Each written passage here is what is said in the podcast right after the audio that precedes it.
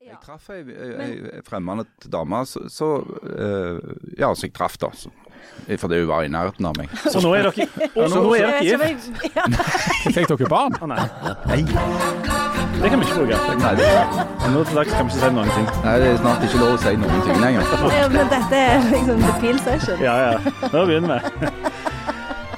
En ost koster fra og med i dag en milliard, og da blir det vel fett å bli bonde? Nei Én av fem Jeg tror det blir bra, jeg. En av fem Kan vi slutte opp? Altså, Nå skulle jeg si masse om bønder og om orrer. og hva en setning om rydding og bli kjent med deg. Alt er ødelagt.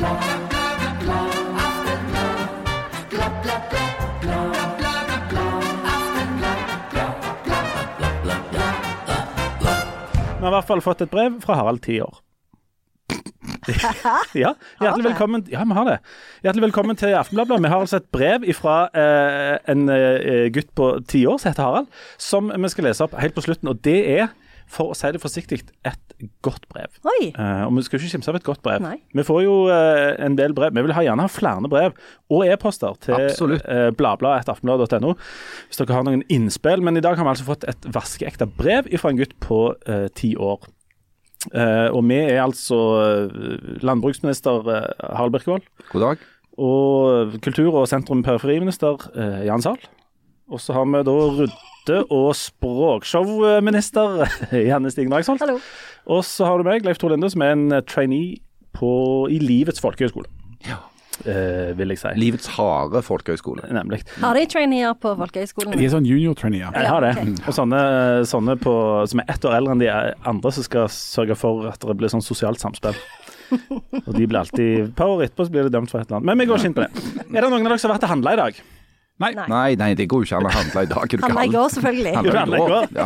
Ja, uh, Jeg handla på lørdag for over 3000. Gjorde du det? Ja. Fordi at du er en av de som tenker at uh, de der hamstrefolka, det er noen idioter. Tenker du mens du er ute i butikken og kjøper sånn 18 kilo hvetemel eller sånn. Ja, det er voldsomt godt tilbud. Sånn tre for to på sånn en mutti tomat, så jeg kjøpte ni uh, pakker med den i sånne bokser med det. Det er jo veldig billig. Ja. Men hadde du følelsen av at du hamstra? Jeg hadde en ørliten følelse av det, faktisk. Og, og var det egentlig det du var ute på? Eh, nei, jeg hamstra ikke, men jeg bare, jeg bare tok godt i i helgehandlinga. Ja. Og det tror jeg det var mange nordmenn som gjorde. Uh, fordi at de hadde lest nyhetene. Ja, for i, i dag, eh, rett før vi kom inn her, så leste jeg om noen som sa at de hadde vært en plass der det var en Kiwi i en Rema-butikk rett på siden av hverandre. Og på Kiwi-butikken sto det 20 biler, og på Rema-butikken sto det én. Å ja. Fordi dagens store sak handler jo om uh, matpriser. Um, det, har jo, det, det er jo to datoer i året, er det ikke sånn? Eh, 1. februar og 1. juli. Nemlig. Det der skjer eh, Ja, hva skal du si En justering. en, ja, det, det, Det, kan vi si. det betyr at nesten alltid han går opp, da, Ja. prisen ikke Det er ned. veldig mye justering ned, legger jeg Ja. merke til. Husker dere sist det var sånn oppslag 'Nå synker matprisene', og så Nei, det skjer jo aldri. Nei, altså, eh, det det har jo vært forhandlinger om, eh, om matpriser. Alt blir dyrere. Eh, emballasje. Kua er blitt dyrere. Eh, Alt det betyr. korn. Korn, det før, og denne- diesel. Denne regningen dyttes jo videre til oss, så, så ifra eh, fra 31. januar til 1. februar så ble generelt ting 10% dyrere. Og det skjer vel etter at de ble omtrent 10% dyrere året før. Så det er 20 det på et år. Eller på 15 måneder. Men det er, jo, der er jo prisstigning på alt. Så, sånn sett så kan du si ok, det, det er nokså naturlig at det blir prisstigning på mat òg, når alt annet blir dyrere. Ja. Uh, men det er jo noen sånne mysterier her. Det ene mysteriet handler jo om, om at det er jo litt mystisk i det hele tatt hvor mye mat koster i Norge fordi at vi har en landbrukspolitikk og greier. Men så er det òg det der at ingen er jo helt sikre på når Altså si prisen stiger med 10 da. Eh, så nå betaler du 110 kroner istedenfor 100 kroner for et eller annet. Hvor blir de 10 kronene av? Hvem er det som får de? Jeg syns det er så spesielt, rett og slett, at i 2023 Nå har vi jo holdt på med dette med mat i mange ja, jeg vil si tiår og til og med 100 og kanskje 1000 år. Vi har drevet og spist Ja, veldig lenge. ja og, og det har vært mye kjøp og salg i, i, over flere ja, ja, ja, ja. Og så i 2023, når dette kommer opp, at nå ser det ut som at prisene går opp, så er det sånn at regjeringa går ut og skal lage en sånn egen kommisjon. For det, det viser seg at det er, så har det, seg, det er ingen som forstår hvor disse pengene blir av. Fordi alle i alle ledd sitter og sier vi får jo ingenting mer. Bøndene sier jeg får jo ikke noe mer for, for uh, melk eller fløten for det om ost, nei, nei, for de smøret nå har steget 28 som man har gjort i løpet av det siste året. Eh, så sier eh, matvarekjedene nei, men vi, vi har fått økte kostnader, og det var det vi fikk til for disse herne som solgte det til oss, altså leverandørene eller grossistene. Men de sier jo nei, vi trenger ikke noe ekstra. Nei, og Bøndene de jo, går jo bare og, og griner. Det er jo ingen penger i å være bonde. Nei. Så, Så hvor de pengene blir av? Det, det, det er Skrødingers penger. Ja, vi vet både ikke. fins og ikke fins. Ja, Vi vet ikke, men det er kanskje enda mer bekymringsfullt, for vi, det er jo ikke så mye vi vet, men at ikke engang regjeringa eller landbruksmyndighetene eller næringsministeren, at ingen vet det. Det er jo helt Noen burde spørre der chat-GPT. Kanskje han vet. Ja. Jeg kan prøve å se om vi kan, hun, kan gjøre det litt senere. Men, men alt, alt er jo blitt, uh, blitt mye dyrere. og altså, Ting blir jo litt litt dyrere. Det er jo sånn et system vi har lagd, at det er, ting blir litt litt dyrere. Men de siste årene har det blitt enormt mye dyrere. Ja, du kan, Det er greit med litt inflasjon. Ja. Sant? Det blir litt dyrere. 2-3 år det merker vi jo ikke. Ja, En hundrelapp i dag er mindre verd enn den var for 20 år siden. Det vet jo alle, og det er for så vidt greit nok. Men det er jo når inflasjonen blir veldig høy at du tenker at oi, nå er det gale. Altså Det har jo alle opplevd nå de siste åra. F.eks. nå er det sånn at hvis jeg kjører bort gjennom Madlaveien, hvor jeg skal gjøre en U-sving når jeg skal hjem, og så der er det en sånn eh, bensinstasjon. Hvis bensin, eller dieselen i mitt tilfelle koster under 20 kroner, så tenker jeg wow, ja, billig. Nå, ja, nå gir de det vekk. Altså 19 kroner literen for diesel hadde jo vært helt ellevilt bare for halvannet år siden, sant? to år siden. Så det, det er litt sånn du koker frosk òg her. altså Folk venner seg til eh, ting. Ja, for vi slutter jo ikke å handle, Janne. Du, du slutter jo ikke å, å, å, å parkere i den grad du parkerer På, stand på biler. eh, Kjøre opp på den kanten, og så Åh. Unnskyld, det var ikke meningen å, å dra, dra det opp. Men vi, vi, vi kan jo ikke slutte å handle, sant? Nei. Men eh, er du sånn som, eh, som går i butikken og legger merke til dette og tar noe sånn hensyn til det, eller For jeg, jeg er en sånn Jeg på en måte bare gir, jeg bare fortsetter som før. Jeg, jeg, klarer, jeg orker ikke liksom å styre med det. Eh, eh, ja, altså forrige uke så kjøpte jeg en sånn en topakning med ost. Du? Så svaret på det spørsmålet er vel ja. Det er Hva er en, to, hva er en topakk? To kilo. To Jeg så- kilo Jeg så det. En kilo ja. 189, tror jeg. Å, eh, eller Ja. på, for et eller annet. I don't know. Vi bruker Jarlsberg, så da er jeg alltid på utkikk etter gode tilbud på Ja. Jarlsberg. Altså, Hvit ost eller gul ost er jo enormt dyrt. Mm, det er. Så det burde du kjøpe på tilbud. Så jeg kjøpte fire pakker Jarlsberg sist jeg kjøpte. Men de var bare 400 gram. Kombinere det med disse Mutti-boksene med tomat. Det blir veldig mye god pizza. Hvis dere trenger pizza, så kan dere komme til Jan med også tre eh, poser med sånn italiensk Tipo nullmjøl, for Ja. det var tre for to. de. Ja. Ja, jeg òg kjøpte Mutti, for det var på tilbud der jeg òg var. Det er jo de beste jeg, eh, tomatene òg. Ja. Så kjøpte jeg sånn tre for to mot mozzarella. Men altså, det der altså, Dere, er, dere er i denne kategorien som faktisk kan spise kake. sant? Ja, ja, ja, men det er jo fordi at vi er så Men altså, er det ikke alle, altså, alle vi befinner oss jo et eller annet sted i denne middelklassen, gjør vi ikke det? Og, Ja, men to av dere er veldig mye høyere enn oss andre. Ja, ja. Men, an, men alle, alle tror jeg som jeg kjenner i middelklassen iallfall, har den der samtalen av og til i hjemmet. Åh, vi hiver altfor mye mat. Vi må bli flinkere til å bruke opp det vi har i kjøleskapet. Vi må kjøpe sånne bokser på, på Claes Olsson eller på Ikea så du kan ha på, kjøle, pålegget inni. For de der selvlukkende pakkene har jo aldri virket. sant? Vi gjør sånne triks bruke opp brødet. Vi hiver altfor mye brød. Og, Det er jo lurt da, hvis du får det til, men det er sykt vanskelig òg, iallfall for meg. For jeg er sikkert litt sånn som deg, Leif Tore, at jeg, jeg handler liksom litt etter innfallsmetode. Jeg går gjennom butikken, og så finner jeg på hva vi skal ha til middag der og da. Eh, og så er jeg òg miljøskada, sånn som du er hjemmefra. Det, det, kan, det er jo den verste sosiale katastrofen som kan skje, er jo at det er for lite mat. ikke sant? Det må ikke være for lite mat. Og det betyr jo at det veldig ofte er for mye mat. Ja. Og så blir den satt inn i kjøleskapet i en sånn hvis du er der, altså du har akkurat den det flashet av dårlig samvittighet, så du setter det i kjøleskapet under noe sånn plastikkfolie, og så står det der helt til en dag du tenker at hva er det, hva var det det var? Ja, for du, også, du er også sånn som tenker jeg, som sier i dag er vi tre til middag, og så går du bort til liksom ferskvaredisken og roper 18 kilo røkelaks! Fordi at det ikke skal gå tomt. Ja. Der har jeg faktisk tatt noen, eh, noen grep. En av de letteste sånn besparelser norske familier kan gjøre, er jo faktisk å lage passelig mye mat. Eh, og det har vi begynt med. Og eh, ikke minst eh, de der restene som blir liggende, jeg har begynt å spise de opp. Eh, fordi, men det har vi mer med en sånn type sånn samvittighet å gjøre. Men uh, maten er dyre. I Norge har vi òg Dette er jo kombinert med at vi faktisk har ganske mye Altså, vi har god råd. Uh, vet dere hvor mye av Hvor mange prosent av en norsk lønn som går til mat? Ca. 10% 10% Det er mindre enn det har vært noen gang Ja. før. Det er ekstremt lite. Samtidig så er det jo sånn at hvis du, hvis du snakker om inflasjon og om prisvekst, så er det sånn at den årlige inflasjonen, altså den årlige prisveksten det siste året, den var jo ve- veldig høy på et visst tidspunkt, men den roer seg ned. Sånn at nå er den i underkant av 6% 5,8% eller 5,9 det er da det blir litt sånn rart hvorfor i all verden går da matprisene opp 20% i den samme perioden. Det høres jo litt rart ut, hvor blir det av de pengene? Og så er det sånn at Vi, har, vi bruker jo en, relativt liten del av lønna vår på dette, men samtidig så har altså Norge de nest høyeste matprisene i Europa. Men, Men- ikke men- men- justert men- for kjøpekraft. Nei, ja, så re re- reduser for det. Men samtidig, eh, danskene tjener omtrent like mye som oss. Altså, eh, Norge er den høyeste inntekten i, i Europa, men danskene er ikke langt bak. Men matprisene deres er sånn 20 lavere. Eh, så, så, så der er det noe eh, hvordan skal det ha seg, og der finnes det noen forklaringer på. Og så henger jo dette sammen, eh, sammen med ikke hva, som er liksom matematikken i dette, men hva vi faktisk er vant med, og hva vi liksom justerer økonomien vår etter. Altså hva som, hva som er vår normal, da.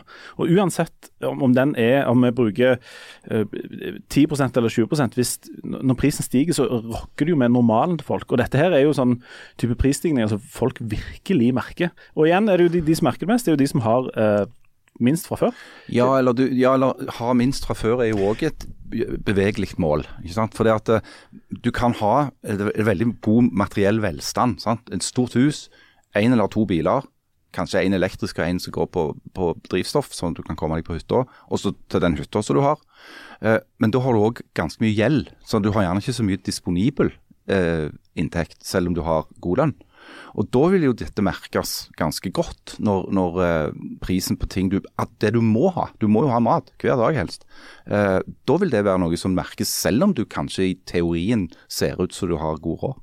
Og ø, veien til, Dette har vi snakket om før en gang. Var ikke du Jan, som hadde vært på et seminar som ø, der viste seg at veien til lykken var disponibel, altså, disponibel inntekt, eller de pengene du kunne bruke til det Det var, dette, dette var Kalle Moene sitt råd til, for at folk skal ha et godt liv. Sånn det, ja. Sørg for å ha lave faste uh, utgifter og høye variable utgifter. Det betyr da oversatt til norsk ikke ha så mye gjeld at du knekker ryggen på det du må betale hver måned, sånn at du har nesten ingenting igjen til det som er sjalabais og tjohei og moro og, og biff eller øl.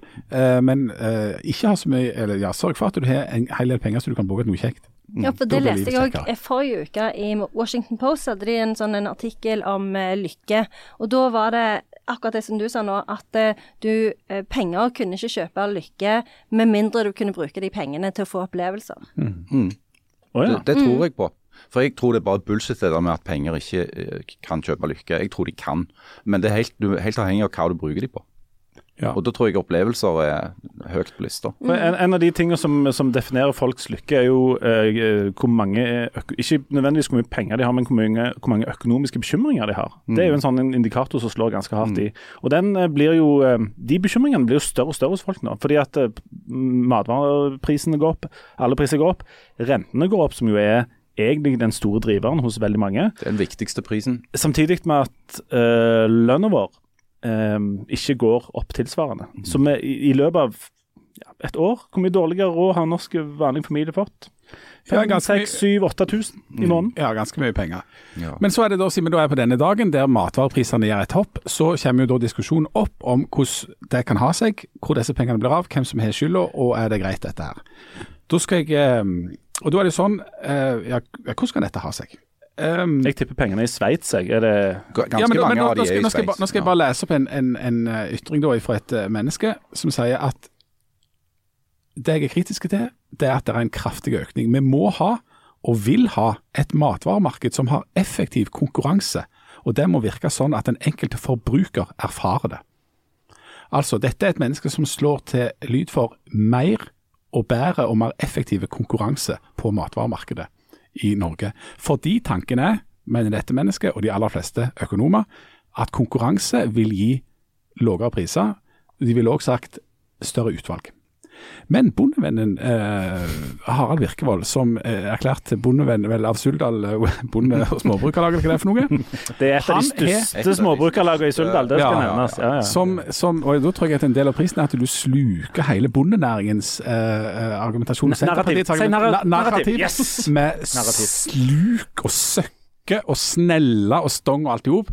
Du har jo et, en rørende kommentar i avisa i dag, eh, der du argumenterer imot å gjøre noe med det som en kunne gjort noe med, hvis en ville hatt gjort noe med matvareprisene i Norge, nemlig importvernet og hva heter det, skjermings... Altså, altså at en skjermer eh, dette for konkurranse. Konkurransetilsynet vil jo ha mer konkurranse i matvaremarkedet. Det vil ikke bondenæringa og Harald Birkvold, årets bondevenn. Men det vil du. Eh, Jeg vil, altså, ja, ja, ja, det jeg skal jeg si hva jeg vil etterpå. Nå skal du Ja. først få ha det litt sånn, litt sånn rørende naivt innlegg. Altså, Kjeften på deg. Uh, det jeg peker på er at sånn uten, uten den der uh, beskyttelsen som norsk landbruk har, så ville du ikke bare lagt ned en masse gårdsbruk, du ville lagt ned store deler av Distrikts-Norge. Eh, og det kan vi gjøre, men da må vi vite at det er det vi gjør. Eh, og så peker jeg også på paradokset i at det er ikke mer enn et år siden mange toneangivende politikere i styringspartier i Norge var ute og betonte viktigheten av både forsyningssikkerhet eh, og selvberging. Eh, og det later de til å ha glemt nå som prisene går opp. Det er et paradoks. Jeg er slettes ikke imot eh, økt konkurranse i dagligvarebransjen. På ingen måte. Jeg tror det hadde vært en god idé å prøve det. Eh, det vi har sett, eh, dessverre, det er jo at de forsøkene på å etablere seg har blitt eh, vanskelige. F.eks. For, for Lidl-kjeden. For å komme inn, de klarte det ikke. Og det er jo fordi at disse tre store grupperingene, altså Reitan-gruppen med Rema, Norgesgruppen og Coop, har liksom det norske dagligvaremarkedet nærmest i sin hule hånd. Jeg tror de har 90% av omsetningen, de tre. Og Da blir det veldig vrient eh, for andre å komme seg inn, fordi at de allerede har forhandla prisene veldig ned pga. at de har så stor markedsmakt. Så jeg tror det dessverre er litt en sånn der teoretisk en skrivebordsøvelse som mange gjør. eh, og tenker at ja, mer konkurranse hadde, hadde gjort susen. Eh, men jeg er ikke sikker på om det hadde vært så lett å gjennomføre i praksis. Og Hvis vi snakker om den spesielle beskyttelsen som norsk landbruk har, så kan en ikke fjerne den uten samtidig å legge ned store deler av Distrikts-Norge. Og Da må en si det. For å komme tilbake til dette sitatet. Dette mennesket som ville ha sånn økt konkurranse og sånt. Bare et lite spørsmål. Det, har du skrevet det sjøl? Nei. Men det, men det høres litt ut som det er en eller annen professor på BI, sant? Ja. Ja, Det er ikke det. Er ikke det. Er det Donald Duck? Eller hva er? Det kunne ha vært landbruksminister Sandra Borch. Nei, det er statsminister Jonas Gahr Støre. Det er han som er for dette. Det, det som er, det som er eh, Altså, altså der er ikke Altså, alle klager på at det ikke er god nok konkurranse på det norske matvaremarkedet. Eh, Men det er ikke bøndene sin feil. Inkludert ja, nei, nei, inkludert eh, matvarekjedene sjøl. Altså, når prisene nå gikk opp, så gikk jo han der informasjonssjefen i Coop ut og sa at det er altfor dårlig på en måte konkurranse, fordi at Norgesgruppen har en større markedsmakt enn de andre, så de får bedre avtaler og sånt. Sånn at Det, at, liksom, det, det er det ganske bred enighet om. Og så er det, Men hvor, hvor skal en justere og sånt? Og så er det sånn, eh, Mens Harald, Harald får det jo til å høres ut som det står enten mellom å ha eh, særordninger for norske bønder, altså liksom tollmurer og, og, og disse beskyttelsesordningene som gjør det enormt vanskelig for utenlandske aktører komme inn med både produktene sine og kjedene sine. Men det Konkurransetilsynet har påpekt, at det går an å gjøre noen små justeringer. Det, altså det handler ikke om enten-eller, det handler ikke om null og én her. At du har enten eh, tollmurer på 250 eller 300% eller ingenting. Eh, sånn at det går sannsynligvis an å, å, å, å, å beskytte bøndene og jordbruksnæringa, som jo er et politisk valg, ut ifra de hensynene som, som vi har det inne på, men samtidig gjøre noe som kan gjøre noe med konkurransesituasjonen og prisene til, til norske forbrukere. Det som er noe av eh, eh, paradokset med de der bestemmelsene, er jo at det, altså bestemmelser som er lagd for å bevare det norske jordbruket og selvberging og distriktsbosetting og alt det greiene der, det tjener sannsynligvis òg eh, grossistledd, matvarekjeder og disse her leverandørene til matvareindustrien, som jo ikke var det vi skulle beskytte. Men det er noe med babyen og badevannet her. og- og- og- og- og de- det går- utover er jo til en viss grad bøndene som da altså ikke er happy, men det er framfor alt det det går utover er forbrukerne. Så spørsmålet er, hadde det gått an å finstille litt på det? Liksom, men, men nå er det sånn at det er ikke engang lov å snakke om det, for det, det er totalt hellige ku. Nei, men du, du snakker om to forskjellige ting, Jan. For det at Én ting er å bruke eh, de verktøyene hun har med konkurransetilsyn og pristilsyn og sånne ting for å gjøre noe med ubalansen i det norske dagligvaremarkedet. En helt annen ting er å diskutere om en skal gjøre noe med tollvernet av norske landbruksprodukter, som ikke har nubbesjans til å klare seg i konkurranse med utenlandske industribønder. Det er ikke mulig. Og så må du òg huske på at det er bare et, et eh, bestemt vareutvalg altså et produktutvalg, som er verna med toll tollsatser. Eh, norske dagligvarekjeder hadde stått fritt til å importere hundrevis av andre produkter som ikke er omfattet av dette, men det gjør de ikke av en eller annen grunn. Og da er det sånn interessant, fordi at det som da spratt mest opp på, på VG sin matvarebørs nå, eh, når, når de testa eh, 1.2, det var jo altså Zalo. Altså såpe. såpe, noe som verken kommer ut av, av kua eller eh, så du kan dra opp av jorda, eller noen ting som er noe med norsk jordbruk å gjøre. Sånn at Det kommer vel fra Lilleborg fabrikker i Cornwall? Ja, noe sånt. Ja. Ja, et eller annet. Ja. Ja. Sånn, at det, sånn at hva er det på en måte, hva er det som treffer, hva er det som har noe med hva for noe å gjøre her? Det er altså et enormt mysterium. Så nå skal, men nå kommer det heldigvis en kommisjon, så nå, sikkert alt, nå da blir alt klart. Ja, det er jo det som er liksom go to-løsningen for, eh, for så vidt ikke bare denne regjeringen vi har nå, men, men mange av de foregående òg. Det er at hvis det kommer et sånt problem, så er det beste er nok å sette ned en, et utvalg og så se litt på det. Hvis det, hvis det virkelig er krise, kan det være hurtigarbeiderne. Ja, det, ja da skal det være gale, altså. Ja. Men hvor- ble det av den der liksom, romantiske ideen om å være bonde? Altså, jeg, nå snakker vi jo aldri om bønder utenom når det er liksom krise og vondt og sånn. Jeg, jeg trodde bøndene var denne sånn skulle ikke være en sånn romantiske figur som står og klapper dagros mens sola går ned og de gleder seg til morgendagen. Og de bygger landet og skriver nasjonalsangen og lager bunader og sånt. Jeg Du det var det. tenker Hamsun? Ja, ja, Markens Grede? ja. Litt sånn farlig territorium, kanskje. Det er ikke det. Kule bønder, det. Eh, I Markens Grøde så er jo Hamsun veldig pro bøndene, eh, og veldig mot byen. Eh, og der er det jo òg veldig sånn fokus på at du kan ta i bruk ny teknologi, men du må liksom holde Det. Er jo sånn, så, litt sånn som når du snakker om industrialisert jordbruk eh, versus liksom det norske Slå av maskinene, melke for hånd-aktige Ja, og- greier. pl pløye med en, vet ikke, en stokk, eller hva Pløye med stokk, ja. Hei, her er. Det stokk. Jeg skal ile til å si at det, det norske landbruket er ganske industrialisert, det òg. Ja. Altså. Men, du, Men, eh, men det ser ut som du kan si- spiller curling. Men OK, Men se. kan jeg si Ja, en, ja, til? en ting til? Fordi det er jo òg Altså, det er jo um, eh, et sånn motsetningsforhold der allerede fra begynnelsen, og da snakker vi om Bibelen. Fordi Kain og Abel, det er jo en sånn en uh, by versus land-fortelling. Fordi uh, Ja, fordi Ja. at uh, Abel, han, han representerte vel eh, Små, Nei. Bonde- og nei, tar jeg feil nå? Kain! Det var Kain som hadde dyreofferet. Ja. Ja, og Abel hadde eh, Nei, Abel hadde dyreofre, og Kane hadde bonde... Ja, korn- ja. ja, Ja, stemmer det. Okay. Så han var Sånn, ja. veggis, Ja. liksom. Mm. Mm. Men, men, men, eh, men eh, jo, det Men, men det er jo eh, selvfølgelig eh, noe som Altså det der eh, Klagesangen til bonden, det er jo noe som en så eh, mye av på begynnelsen av 1900-tallet, f.eks.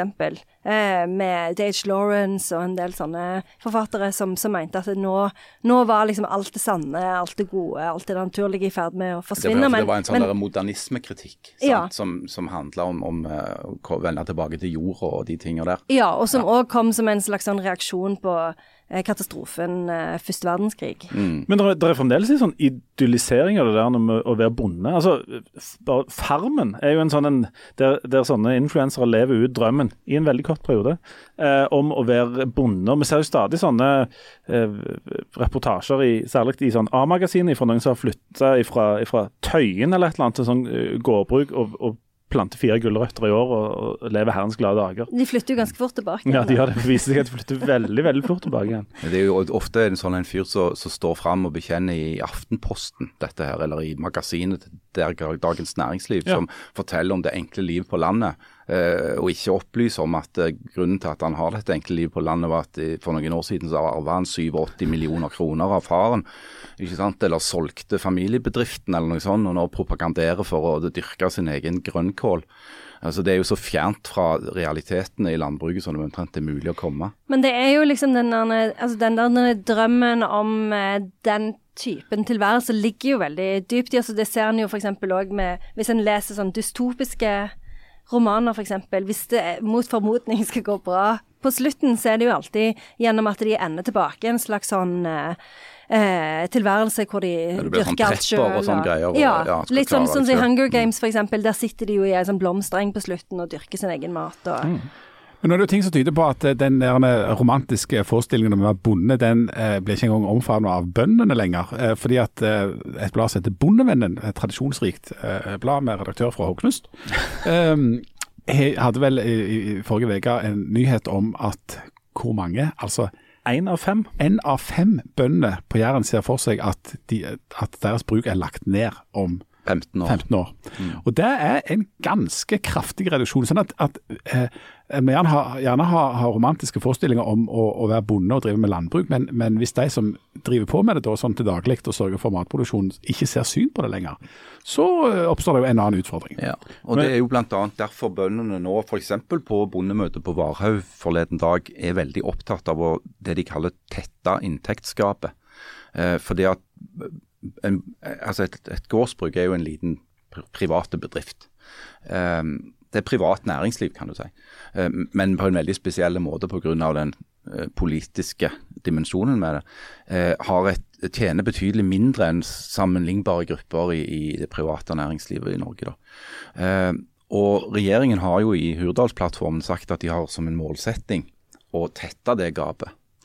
Spørsmålet er hvor lang tid det skal ta. Jeg snakket med, med landbruksminister Sandra Borch om dette på, på mandag. og hun, hun sa jo at hvis Si at de hadde fått en ramme på jordbruksoppgjøret i år på 10 milliarder, så kunne de dette det gapet umiddelbart. Men det er jo helt urealistisk. Sånn at det kommer til å ta noe tid. Um, og så tror jeg også at det, altså den der store tendensen med at det blir færre bruk, altså det blir, gårdene blir større. For det, det, er jo ikke, det er jo ikke alltid sånn at fordi om et gårdsbruk blir lagt ned, så, så blir, går, blir ikke jorda brukt. Men det blir at det blir større enheter, de slår seg sammen, blir tilleggsjord til naboen og sånne ting.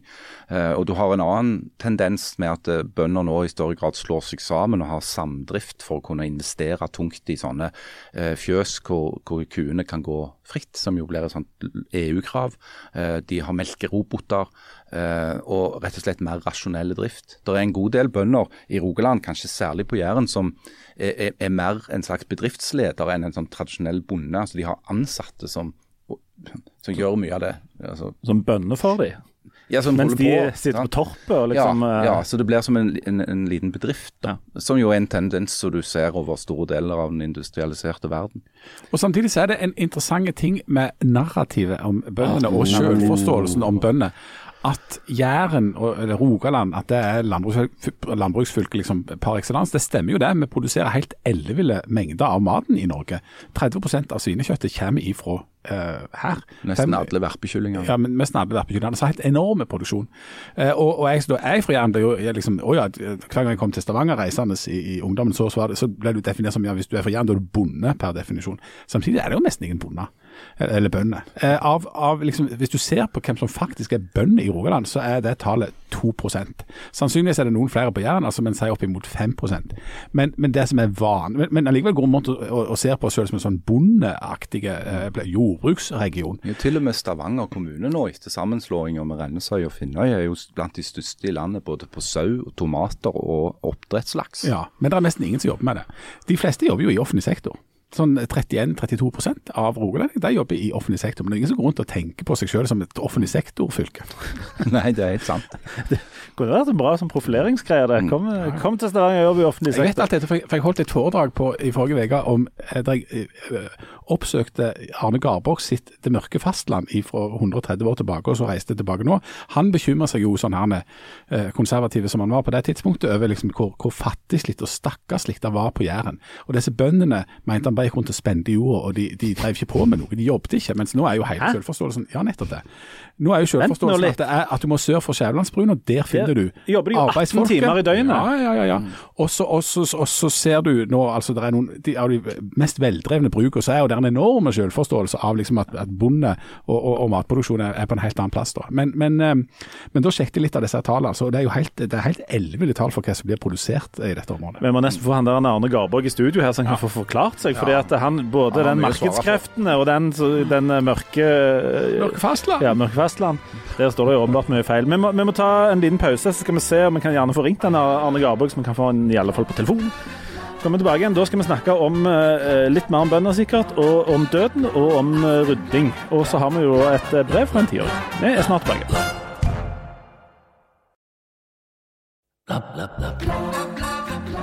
Og hjertelig velkommen eh, tilbake. Skal vi ta et spørsmål først, rett og slett? Har vi fått spørsmål? Vi har fått et spørsmål. Jeg fikk den pri helt privat på en SMS, og den har jeg skrevet ned her. Hvis jeg bare Du tok en SMS, så ser du skrev den ned. Ja, Ok. Det er en funksjon du, på telefonen der du kan kopiere, så kan du sende den til deg sjøl, og så sendte jeg den til meg sjøl, og så limte jeg den inn um, på, på et ark her. Men jeg må bare finne den her. Du må bare finne arket. Ja, altså kolossalt Du vanskelig. Du forbløffer oss med din datakompetanse. Her har man. Eh, den, her står det altså 'Hei LT'. Det er meg. Det er initialen Hei, min. LT. Mm. Veldig kjekk eh, podkast. har oppdaget at jeg er ekstremt god til å tippe hva dere kommer til å snakke om i episodene. Vinner alle veddemål med meg selv. Denne gangen tipper jeg på matpriser og muligens noe om Flyr-konkursen. Den tror jeg ikke vi gidder snakke om. Nei. Det, de er konk Ja, de det. er konk Det var ikke marked nok. Men denne, eh, min perifere bekjent uh, sier dette er en slags superpower jeg har. I Ja, det er til ja. Det er bare 50% superpower. ja, ja. Ja, ja. Det, det duger, det. Ikke verst. I tillegg til at jeg er overraskende god til å tippe morderen veldig tidlig i krimbøker. Keep up the good work. Og når han sendte den, så kom jeg, begynte jeg å tenke på om jeg har noen sånne skills og noen sånne egenskaper som hadde kommet som et sjokk på folk. Altså, hva er du veldig, veldig god på som folk hadde blitt overraska av? Har dere tenkt på det noen gang? Nå, Aldri. nå skal dere tenke på det. Nå er dette et familieprogram. Nå er dette et familieprogram, ja. Ja, men uh, Ja, jeg òg har lukt ut et par sånne. Ting som har med tungt utstyr, kjetting. Nei, du skulle luke ut det. og, ja, Ting du må kjøpe til, uh, fra nettet i sånne umerka poser, er ikke lov. Men jeg kom på jeg er enormt gode til å lage lapper. Er du det? Ja. Å ja, sånne eh, lapper som du spiser? Som du spiser ja. Ikke skri, Er sånne små lapper. Sånn, ja, post, ja, ja. Jeg er det, enormt det med å lage små lapper som du skriver på, det er han jo veldig dårlig Hva? for han finner du ikke igjen. ekstremt Er, er det sånn at du ikke vil si det, eller kan du si hva er det som er ditt hemmelige knep? Ja, jeg, ja, hvis dere vil vite det. Ja. det er For det første så må du ha oppi tilstrekkelig av de tingene som sånn Fedon Lindberg og sånt ikke vil at du skal spise. Mm. Men så er det altså Jeg, jeg bruker da sur melk, Ja, selvfølgelig. og trikset er altså å røre så lite du kan. Når du har lagd Ja. liksom, eggedosis og liksom begynner å blande disse tingene og sånn, Med lette hånd. eh, med enormt lette hånd. Og når du tenker åh, det er mulig der er noen klumper, du må bare slutte med Mm. det. Slutt å røre. Så jeg har altså utvikla en enormt eh, god teknikk til å lage enormt gode lapper. Og det hadde du ikke trodd. Det skal du ikke kimse av. Jo, jeg hadde faktisk trodd det. du hadde trodd det? Ja. Ok. For det, at det er jo litt med det litt sånn der kirkelige og det med å lage lapper og vafler og sånn, det ligger liksom litt i genene, tenker jeg. Og så har jeg en skill til, som jeg eh, Og dette, dette har, henger litt sammen med de matvareprisene. Jeg er, mener jeg, jeg er, Her er to ting. Jeg er blant de 1% beste i verden til å pakke matposer, og der er det mye slurv. Ja. Folk er så dårlige å pakke poser. Jeg er helt jeg er et unikum, vil jeg Har du en teknikk? Ja. Eller ja, hva Ja. er det da? Blant annet, nei, det er jo å pakke, å begynne med de rette tingene, Ja. og ikke pakke én pose ferdig, og så begynne på neste, men å ha flere parallelle poser Ja, gående samtidig. Ja, Mm. Det er en teknikk som jeg bruker når jeg pakker. Her er vi henta. Ja. Og så kan jeg, jeg er veldig god til å tippe hvor mye denne handelen kommer til å koste. Det kan jeg omtrent si Ja. på sånn pluss-minus eh, 10-15 kroner på en sånn handel på, til 1500 kroner. Treffer hver gang. Hm. Hver gang. Så det, er su- så, og da er spørsmålet om dere har noen sånne ting som dere er veldig gode på. Jeg, altså, jeg, jeg liker ikke å drive med eh, Å sjølskryt. nei, å nei, å nei. Ok, jeg skal gjøre et unntak. Nei, men jeg, jeg, jeg har aldri tenkt på dette, så dette er litt sånn uh, mind- top of mind-greie som kan, kan potensielt være overraskende, og som jo er skills på et veldig lågt og uviktig nivå. Ja, men så, det er sånne vi er ute Ja. Jeg mener at jeg er en av de beste i i hvert fall i, sannsynligvis i Stavanger, ja, kanskje i Norge. Jeg sier Norge. Ja, Ja, i Norge. På å oh, når du reiser. Åh. Altså, jeg, eh, jeg har reist enormt mye, og, og har blitt enormt gode i sånn light traveling. Altså, jeg har så lite med meg at folk når de ser meg reise på plasser, sier 'Å ja, er du sjekket inn?' Nei, jeg har ikke sjekket inn noe koffert. Altså, jeg har den bitte lille uh, ryggsekken som jeg går på jobb med hver dag, med liksom PC-en oppi en sånn fjellreven-variant. Det er egentlig mitt favorittformat. Du er William Hurt lenge. I. The Accidental Tourist. Ja, det kan godt hende. Ja. Enormt god. Men, og dette har jeg sett, og jeg trodde at jeg var Jeg er nok topp 3-4 i å pakke lett. ja, definitivt 1 community. Ja, rett og slett. Altså, der er jeg til min families store frustrasjon veldig flinke og ganske harde. Den andre eh, skillen som kanskje er enda mer overraskende. noe som- er nok ikke så gode, men, men det vil overraske de som kjenner meg, at jeg i det hele tatt har noen som helst skill, der. Det er at jeg er jo en praktisk katastrofe, altså en praktisk arbeid eh, som handler om å fikse ting, og, og sånn snekring og hamring og alt sånt som handler om sånn maskuline arbeidsoppgaver i heimen. Eh, Der, der er jeg helt ræva radio. Bortsett fra en ting. Jeg er ikke så verst på det som handler om det elektriske. altså, jeg kan, jeg, kan, jeg, kan, eh, jeg kan få til sånn elektriske ting til å virke. Det var et sjokk. Ja, det er Dette faktisk et sjokk. tenker jeg er er litt sjokkerende. Det er et stort sjokk. Ja. Men er det fordi du er teknisk, eller er det, kan du liksom låte Nei, når jeg var, elektrisk, jeg var, når jeg var liten, så hadde jeg en kompis som het Ralf. Han, han, hadde sånn, han var sånn loddebolt-fyr. Så vi drev og lagde sånne loddebolt og sånne små motorer og, og, og, fikk ting til å lyse og alt sånt der. Så jeg hadde det med meg der, og så, og så drev vi på med musikk og spilte i band og sånt. Der var det jo alltid enormt mye ledninger som røyk, og det måtte loddes og sånn som dette her. Og jeg tror gjennom det så fikk jeg opplevd en viss forståelse for dette med elektrisitet. Janne, hva er du eh, topp eh, 1-2 på i eh, verden? Jeg er veldig, veldig sterk. Å ja. Jo, Jeg er sånn kjempe- fysisk. Jeg er kjempesterk. Som dere skulle kanskje ikke trodd det, men jeg er Nei, det er, nei, nei, nei, ikke. sterk. Janne har, Janne har løfta meg for å bevise dette. Hæ? Hva sier du det? I hele kroppen? Er det kjernemuskulatur? Er eller det- noen spesielle Hele? Jeg er bare sterk i alle. Men klarer du å lufte Harald? Altså, Ja, jeg vil du har gjort det. klarer det. Mm. Dette skal vi ta bilde av etterpå. Ja. med et slags mullaløft? For det, når en ser deg, så er ikke det det første en kommer på, nei. Nei, men jeg er veldig sterk. Veldig vanskelig å få i bakken. Å ja. Har, er det andre ting du tenker at uh, Sånn i hverdagen du tenker her er jeg i verdenseliten? Det, altså Jobb og sånt er jo ikke lov. Jeg er jo veldig lov. opptatt av det med at jeg er sterk, da, så Ja. det tenker jeg veldig mye jeg på. det, ja. Ja, det had, det, men det er veldig overraskende. Ehm, nei, det er bare akkurat det jeg kan. Harald, du er jo en beskjeden mann på egne vegne. Alltid vært det.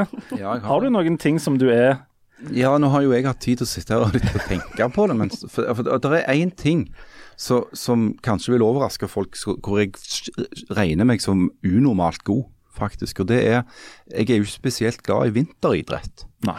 Men når det er sånn hopp, altså skihopping Når det er sånn skihopping. Ja, det hender det er på? på fjernsynet. På fjernsynet, ja, ja. Så sitter du der, og så plutselig så er det skihopp. Så er jeg enormt god til å tippe hvor langt de har hoppet før lengden kommer opp på Og bedre enn kommentatoren? Mye bedre. Oi. Jeg er overlegent god til det. Jeg kan si liksom ja, 118,5-119 meter. Ja, så er det 100, kanskje 119,5 eller 118, men jeg er liksom nesten spot on uh, på det. Jeg vet ikke hvor det kommer fra. Det er bare en, en, en nådegave jeg har fått da. Uh, og, men det som, det som skjer da, det er at jeg ser på skihopping som jeg egentlig ikke interesserer meg i det hele tatt, bare for å få bekrefta at jeg fortsatt har, jeg har det ennå, liksom. Jeg har det inne. For jeg òg jeg er litt sånn jeg ser En gang så, så var jeg Altså, jeg var én millimeter ifra å spørre en stakkar i butikken du skal jeg pakke posene for deg. For jeg, altså, han, Det var så dårlig. Nei, Han hadde for eksempel var helt overbevist om at du, du bare skulle stappe én pose. Altså al- han har kjøpt melk og juice og sånt sikkert til å vare i mange uker.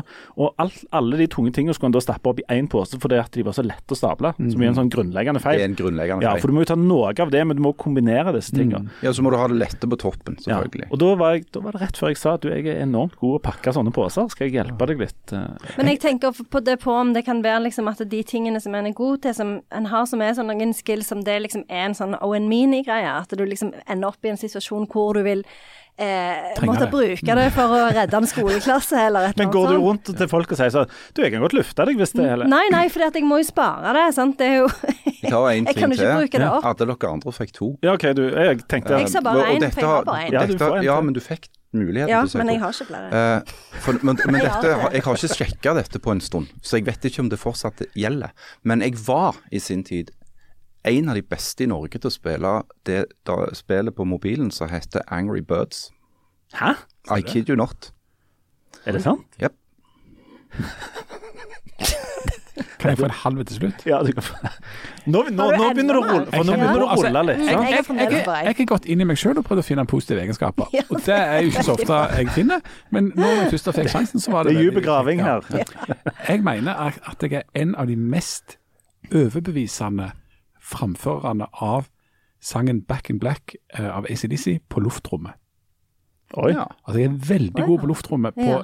akkurat den sangen. Jeg har ikke hørt så mye på musikk sånn, på en stund, I men, 1970, nei. Nei. nei. Du, Men- det sitter liksom. men altså Back in Black, der tror jeg jeg kan omtrent hvert et slag. Dette, Det er flott. Dette er dette vil vi òg ha videofilm Dette er bra innhold, Ja. det kan jeg bare si. Ja. Akkurat nå angrer jeg veldig på at jeg sa det siste. Ehm, den, en kort melding til folk som bor i samme huset som Jan. Uh, vi skal ha en video der uh, Back in Black går uh, på full guffe, og eh, der dere filmer han spiller luftrommet. Den skal vi ha. Og vi vil òg takke Vi har jo en kilde i Jan sitt hus som stadig sender og videofilmer til oss av Jan som ser på fotball. Vi har fått en til. Så flott. ja, ja, ja, ja. Det var det FA-cupen? Var det Wrexham eh, mot men United det er jo en Sheffield anledning til å spørre våre elskede lyttere om de har noen sånne superegenskaper som, som ingen vet om, Veldig og som bra. de har lyst til å fortelle oss om. Og vi- hvis de er litt løgne og rare, så vil vi gjerne høre De må være litt rare. Ja. Ja. Eh, Send oss eh, en e-post på eh, bladblad.aftenblad.no hvis du har superskills. Så skal vi se om vi, kan godt til og med premiere de, hvis det er noen som har noen virkelig gode. Og hvis det Nå er, kom jeg på, forresten. Husk at det er et familieprogram, så hvis dere har den der typen som vi ikke kan si høyt, så kan ikke vi si det høyt om dere heller. Jeg kom på, jeg traff på bondemøte på Varhaug mandag, så traff jeg en kar. Jeg glemte dessverre å spørre hva han hette, men så sa at du skylder han ei T-skjorte. Ja. Eh, fylkeslederen i Senterpartiet. Jeg, Nei, den er på vei. Den er Ja, på vei. ja, ja, Jeg regnet med at det var han siden det var bondemøte. det var han. I, i, vi skulle egentlig slippe Harald til i tre kjedelige minutter, men det skal vi ikke gjøre. Istedenfor skal vi ha tre kjekke minutter. Og oh, Å, til ja. vår store overraskelse så er det Jan Stigen Rangsvold som skal ha de. Fordi at du Ja. heiv sjøl på bordet eh, et navn, eh, Marie Kondo. Hun har vi òg snakket om en gang før. har Hun har ødelagt så mye for så mange folk. Hun har det. Og sist snakket vi om selvhjelpsbøker, vi er litt i det segmentet. Men nå, du må si hva, det er, hva som er greia med denne Marie Kondo. For det er, dette er dramatikk på veldig lavt nivå. Ja, fordi Marie Kondo hun er jo eh, en eh, selvhjelpsguru så- guru som er veldig flink på rydding. Eh, og hun har jo både hatt ei bok eh, og eh, et TV-program hvor hun har rydda eh, hjemme hos folk. Og så har hun Jeg ble veldig distrahert av at Harald er så sint nå. Ja, er du sint på Marie Kondo? Så enormt. Oh, ja, okay. Men hun har òg en sånn spark of joy-finger som hun viser av og til når hun er glad. Hva er det? Det er sånn. Jeg drøtte på når du skulle si noe. Ja. Okay. Også, men det som er Marie Kondo, to, to viktige ting. Det ene er eh, hvordan skal du rydde. Da er det sånn at hvis du eh, Du skal liksom ta alt det som ligger i et rom, og så skal du ta og se på det. Og hvis du blir glad av å se på det, så skal du beholde det.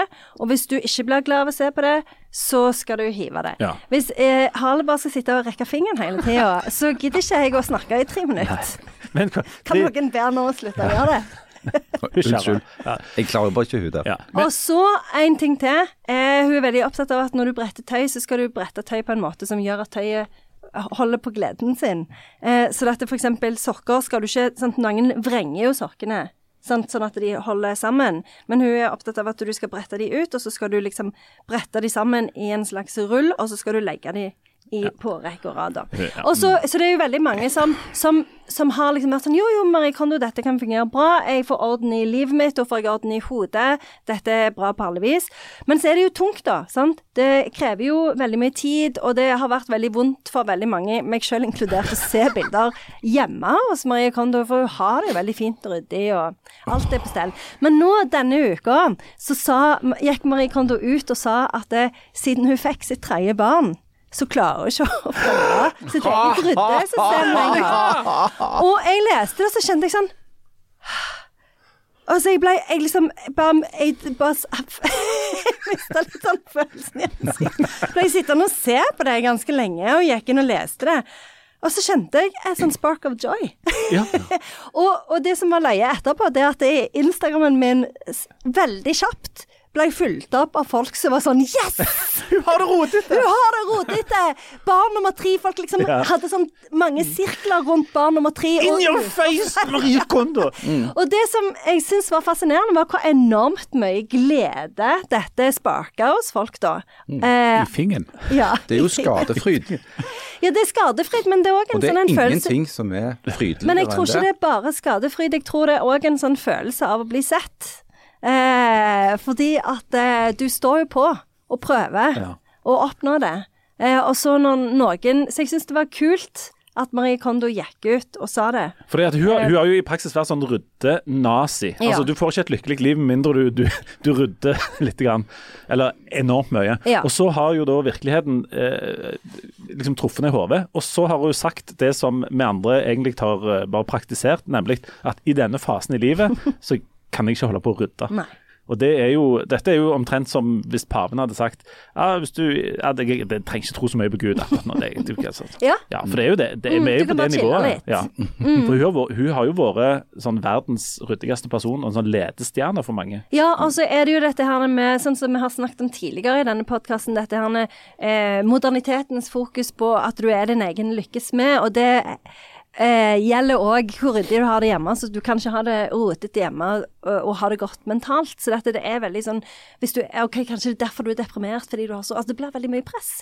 Så det at hun gikk ut og sa det, det var en sånn Ja, Lettelse. Ja. Ja, nydelig. Alt blir jo mye enklere når du har gitt opp.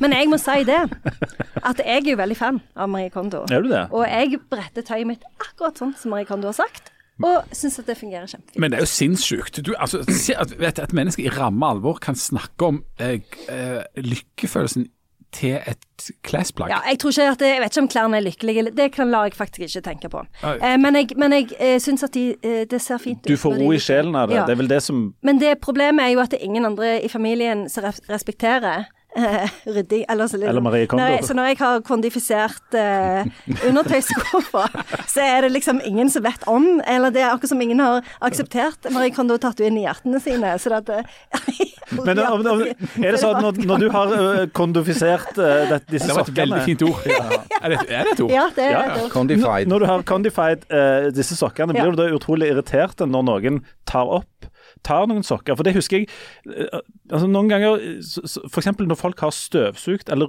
eh, eller vasket eller noe sånt, så får du beskjed 'Ikke gå på gulvet, jeg har Mhm. Nettopp støvsugd'. Ja. Så er det sånn Hvor lenge Ja, hvor lenge gjelder det? Jeg. Ja. det, det gjelder helt til neste uke. Altså, det gjør veldig vondt, og det er derfor jeg tror liksom at For jeg tenker òg Marie Når hun gikk ut med dette, så tenker jeg ja, hun òg har, har vært frustrert fordi ingen i familien representerer at hun har kondifisert den der eh, skuffen.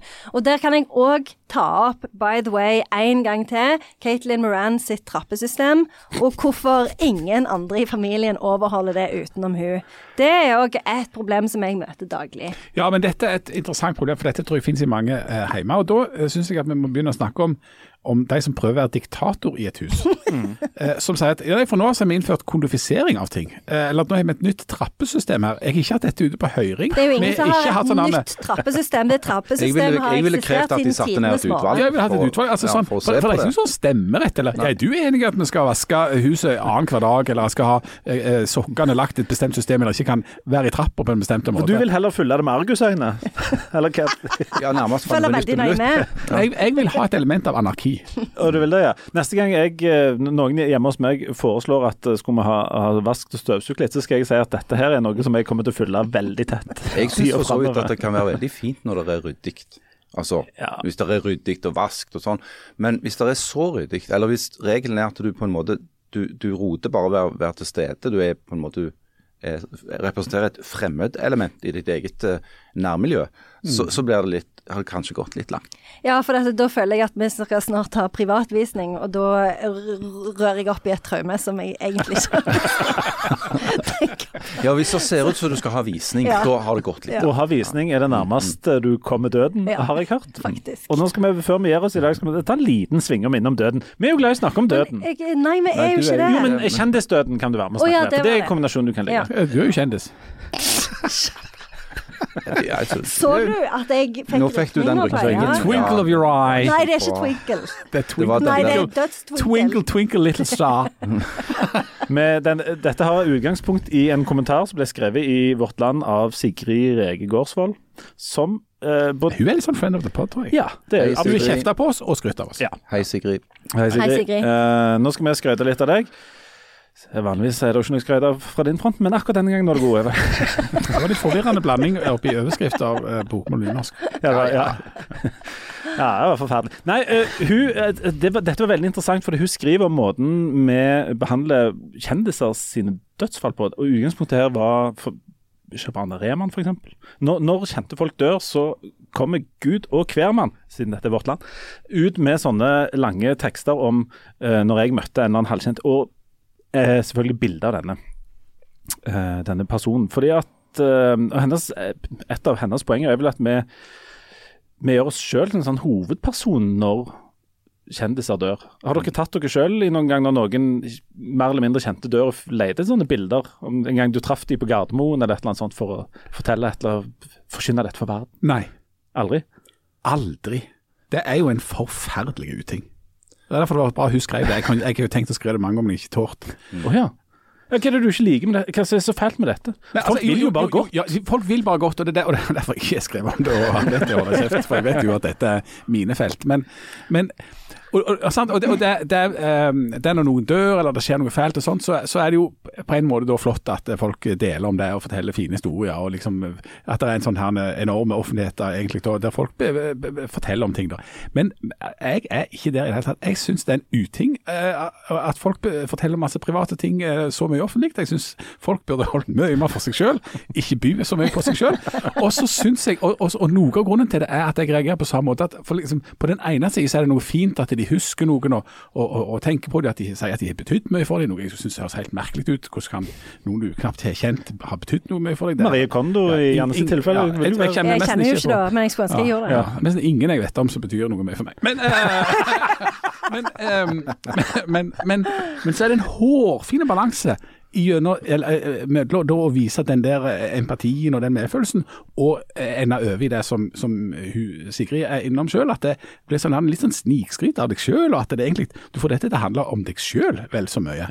Eh, og, det, og det er i mange sånne dramatiske uh, greier, eller ja, sånn som involverer døden, så, så liksom Ah, ja, men dette er jo ikke du som eh, er hovedpersonen her. Fordi du, du var på et foredrag med Shabana Rehman en gang i tidlig 2000-tall, og etter det så ble jeg en veldig åpen og, og mye bedre person. Ble bedre med mine medmennesker og sunnere og fikk bedre hud.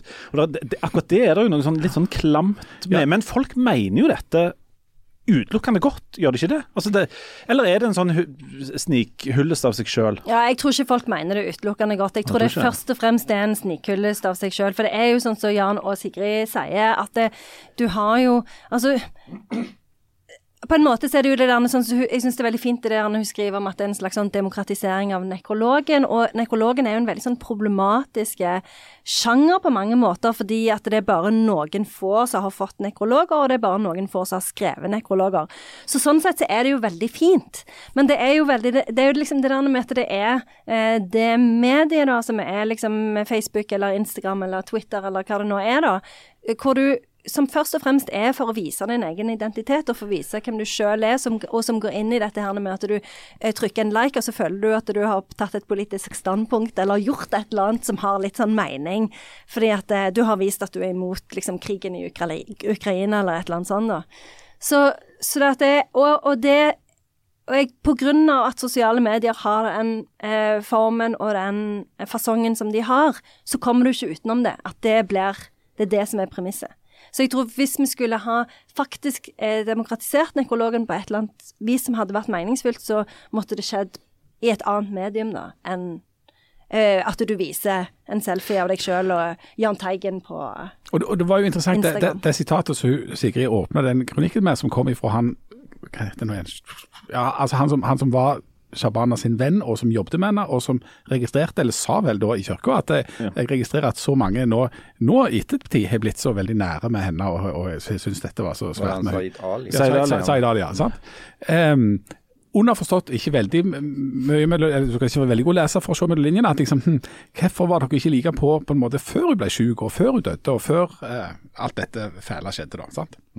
Men det, det er jo en, et ledd av at folk blir ekstra hullene, de er døde. Altså, det er jo Ja, jeg er litt sånn i tvil om hva jeg skal, mene om dette. For jeg ser jo helt klart den der selvpromoteringen som ligger i det som du nevner, Janne, og som òg Sigrid er opptatt av. At det er, et, det er et element av meg, meg, meg oppi dette.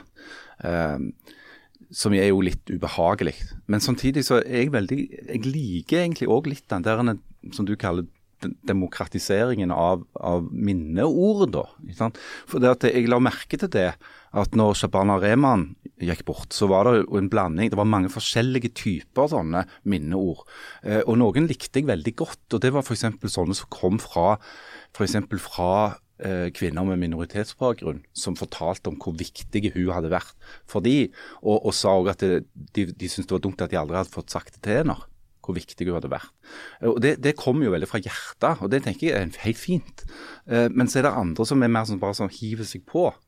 Eh, som, som kanskje ikke du skjønner helt hva de vil fram til, annet enn at de tilfeldigvis hadde truffet henne en gang. da.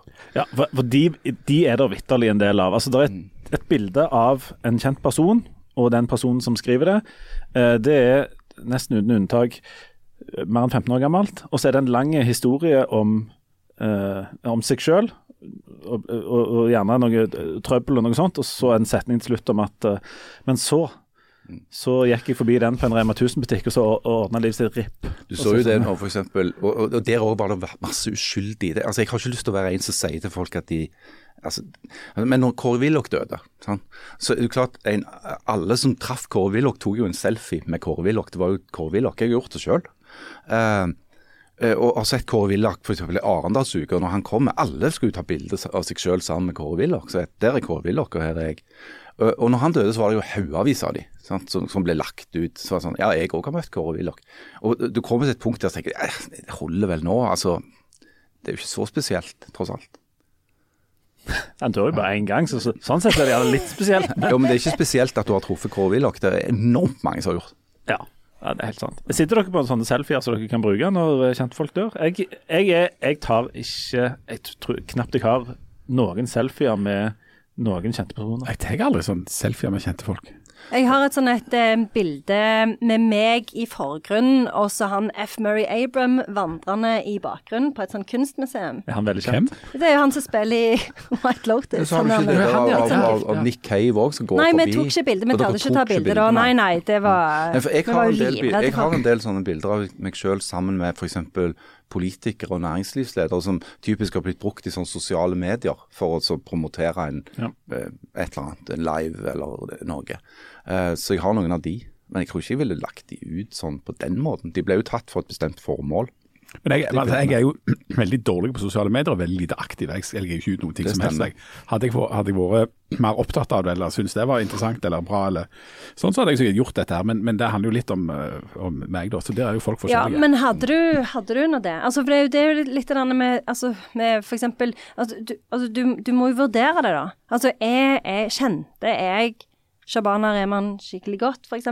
Er jeg en av de som fakt Hun forandrer faktisk livet mitt. Altså, hvis du har en sånn en fortelling, så er jo det med på å styrke hennes autoritet. fordi at Shabana Rehman er jo et veldig godt eksempel, fordi at hun, hennes um, Altså, det, det, alt det hun gjorde i livet sitt er veldig viktig, men, men ettermælet hennes er jo òg enormt viktig for å sette en sak på dagsorden, og for å um, um, Ja, det, det, det, måten hun ble portrettert på etter at hun døde, eh, kan jo føre til all slags gode ting. Dette, men, men, men er, du, altså, er det det du vil?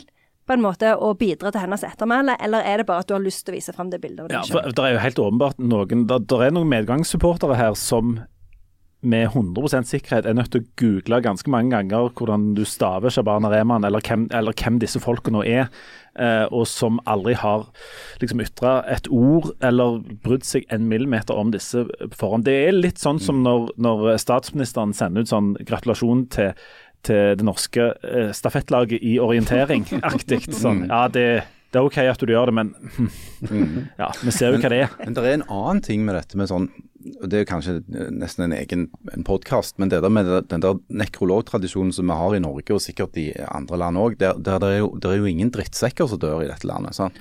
Det er kun i England da dør eh, Ja, rødhål, er det ikke det? Og òg i, i USA til dels, ja. eh, hvor du har en veldig sånn polarisert debatt. Men, men det skulle jeg likt å se litt mer av, må jeg si. Altså En ærlig oppsummering av et relativt råte liv. Det er jo et, kjempe, det er jo et kjempegodt for. Vi burde jo ha hatt en nekrolog spesial der vi skrev hverandres nekrologer i, i ring. Og der vi skrev sannheten. Ja. Ja. Nei, men det, det er jo en enorm skjønnmaling. ikke sant? Når folk dør, så er det jo ikke grenser for hvor fantastiske de var. Ja, og så er jo dette sosiale medium-greia òg, da. Og det, det, det er jo så mange medier, men det, det er jo ingen medier som er vakrere enn brevet. Og vi har fått brev. Brevet Ifra? er flott. En gutt på ti år, og siden eh, gutten på ti år heter Harald, så har vi fått en gutt på litt mer enn ti år. Legg til en 80-90 år, så har du Harald. Eh, og jeg tenkte det var gjerne litt greit at du, Harald, leste brevet ifra Harald ti år. Ja, men Vil du at jeg skal lese hele? For det er jo litt langt. Men, men jeg Ja, jeg syns du skal lese hele. Syns du det? Ja, synes, men, men du kan òg gi folk litt eh, Er det Litt kon- kontekst de trenger vite? Ja, altså, det er, noe, der er vitterlig kontekst. For det at eh, jeg ble kontakta av, av mora til Harald, Mm. eh, som fortalte at hun hadde rydda eh, på, eh, på loftet. Eh, og i en, i en kasse på dette loftet, eh, visstnok på kottet innenfor det som da en gang var gutterommet til Harald, hadde funnet eh, dette brevet. Eh, og det framgår av, eh, av eh, headingen at dette er skrevet da mens eh, vedkommende gikk i fjerde klasse, nærmere bestemt 4B på Eiganes skole. Er det noe etternavn på denne, Harald? Det er Birkevold. Ja, ja. Så du har skrevet det sjøl? I all Jeg har skrevet dette sjøl, og jeg, jeg forstår ikke helt altså Det var du som sa at jeg skulle måtte, at, dette skulle bli tatt opp i Ja, i jeg syns- Jeg syns det var et flott brev. Men det, det er jo da en lekse. Det har vært prøve på skolen.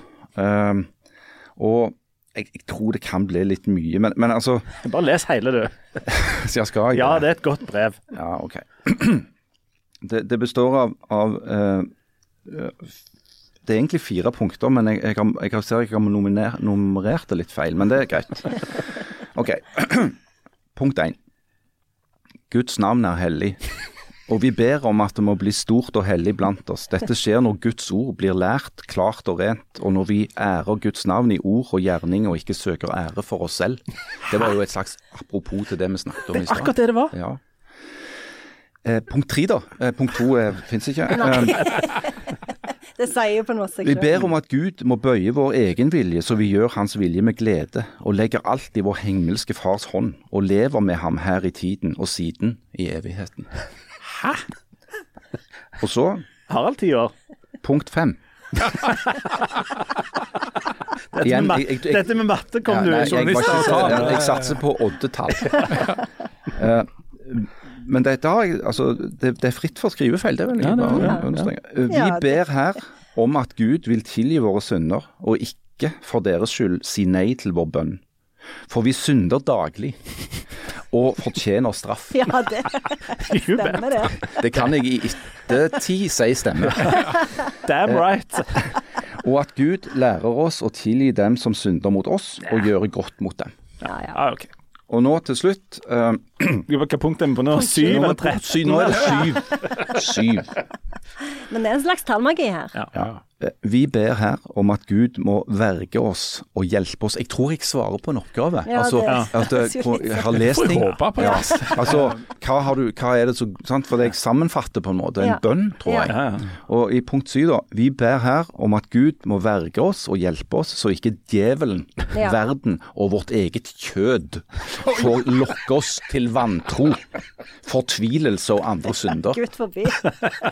Og når vår siste time kommer, gi oss å dø salig bort fra denne verden Hæ? og ta oss til seg i himmelen. Ja, det håper jeg jo på. Amen. Var dette mens du gikk på me- menighetsfakultetet i 1868? Dette var mens jeg gikk i fjerde klasse på Eiganes Men er det fader vår du sammenfatter her, eller forklarer litt? Det vet jo ikke jeg, Nei. eh, sant? Men, men i alle fall så skrev da frøken Bø, som, det kan du få lese, det som står nederst. Meget bra. Du leser leksene, Harald. Det gjør du. Det gjør Til gangs. Ja, Men dette er jo strålende. Ja, det er jo altså, det er svære greier. ti Men jeg kanskje at læreren Men jeg merker jo òg hvor lenge siden dette var. For det, Ja. jeg tviler på at fjerdeklassinger i dag har et såpass inderlig forhold til, til djevelen og fortapelsen og synd og, og, og alt som kan trekke oss ned og, og føre oss på, på villstrå, rent sånn åndelig. Ja, men bare, bare liksom formuleringene og jeg, jeg regner ikke med at dette er liksom noe du har kommet på. Dette er jo formuleringer som du har sett en eller annen plass. Jeg var jo allerede da en stor predikant, som dere merker. Ja, ja, ja. Altså, dette jo dette skulle jo egentlig vært lest med, med Hvis emissæren hadde vært Ja, her, så ja, kunne jo han fått Ja, mye ut av komme det. sterkere tilbake. Det er jo nesten gammeltestamentlig. Ja, det er litt sånn gammeltestamentlig. Og derfor, var, Der satt jeg, jeg ti år gammel og, og strei med disse tankene. da. men livet var jo veldig gammeltestamentlig på den tida. Fem, fem år seinere meldte meg ut av statskirka, hus. når jeg var 15 år. Yes. Da er dette grundig oppe til vurdering. Og tenk, ja. Og jeg har en mistanke om at det, det, dette kanskje var starten. på. Ja, det jeg altså, det, hvis det skal være på den måten, så kan det bare være med hele greien. Sant? Det var jo fryktelig mye Og du leste gjennom, så tenkte du dette er jeg faktisk ikke med på. Det er ikke greit. I'm out. I'm out. Og det er vi òg. Snakkes neste uke. Ha det. Når vår siste time kommer, gi oss å dø salig bort fra denne verden Hæ? og ta oss til seg i himmelen. Ja, det håper jeg på.